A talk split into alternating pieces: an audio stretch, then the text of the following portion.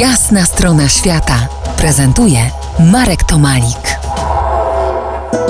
Moim gościem Jakub Brzosko, ratownik TOPR, przewodnik tatrzański. Kuba, porozmawiajmy o bezpieczeństwie w górach wysokich. Kilka przestróg poproszę dla ruszających na szlaki zimą, czy powiedzmy późną jesienią.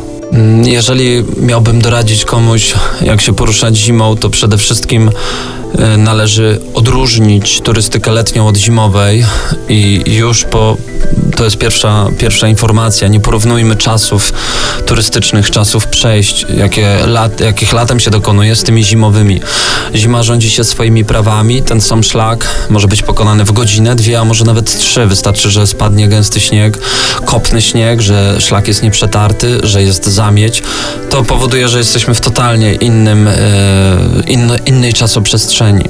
Wychodzenie wcześnie rano ma sens. Nigdy nie chodźmy sami dlatego że jakikolwiek wypadek spowoduje, że po prostu nikt nam nie pomoże. Świadek zdarzenia, nasz partner, kolega, przyjaciel jest y, nie tylko osobą, która może wezwać służby ratunkowe, ale również która może sama nam pomóc. Więc pamiętajmy, nigdy nie wybierajmy się samemu. Zima jest y, taką bardzo twardą, tatrzańska, mówię o tej takiej, wiesz, srogiej zimie, jest, jest bardzo bezwzględna.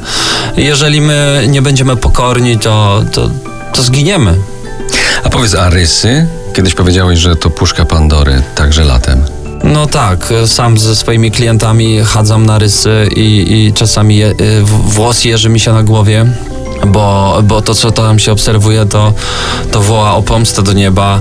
Ludzie różnorodnie ubrani, w, w, przeróżnych butach, że y, o jakichś sandałkach nie wspomnę, y, wędrują, wiesz, y, masowo. To, to jest taka masowa turystyka, która, no mówmy się, rysy to najwyższy szczyt Polski, ogromne przewyższenia, przepaści, to jest trudny szlak, od, szczególnie od strony polskiej I, i, i ja widzę ten owczy pęd.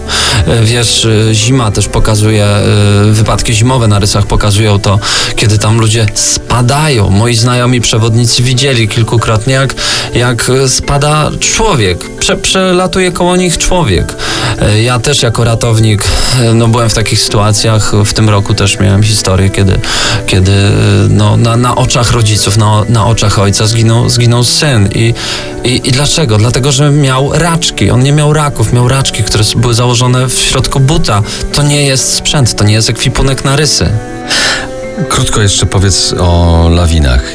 Jak e, rozpoznać, jak się zabezpieczyć, jak uniknąć, czy to w ogóle jest możliwe? No, dotykasz bardzo szerokiego tematu, bo y, tutaj nie ma remedium, nie ma jednej odpowiedzi. Lawiny to jest, to jest ogromny temat.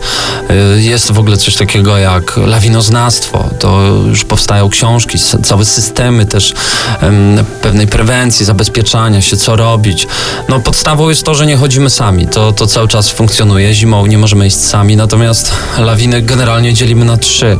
Deski śnieżne, lawiny pyłowe, i lawiny gruntowe. No i w zależności od pory roku, od różnych okoliczności, przyrodniczych, nazwijmy to ogólnie, pogodowych, e, możemy na taką lawinę e, się natknąć i Sztuka jest w tym, aby się nie natknąć, aby tak wybierać teren, żeby przejść bezpiecznie. No, temu służą też różnego rodzaju kursy, ale też i chodzenie z przewodnikiem. Ono ma ogromny sens, szczególnie zimą, bo ktoś, kto, kto nie ma doświadczenia, kto nie ma tej intuicji wypracowanej, wy, e, nie, nie, nie czuje tych niuansów zimowych, może po prostu w tej topieli zginąć, zniknąć. Za kilkanaście minut porozmawiamy o ubezpieczeniu w górach wysokich. Zostańcie z nami. To jest jasna strona świata w RMS Classic.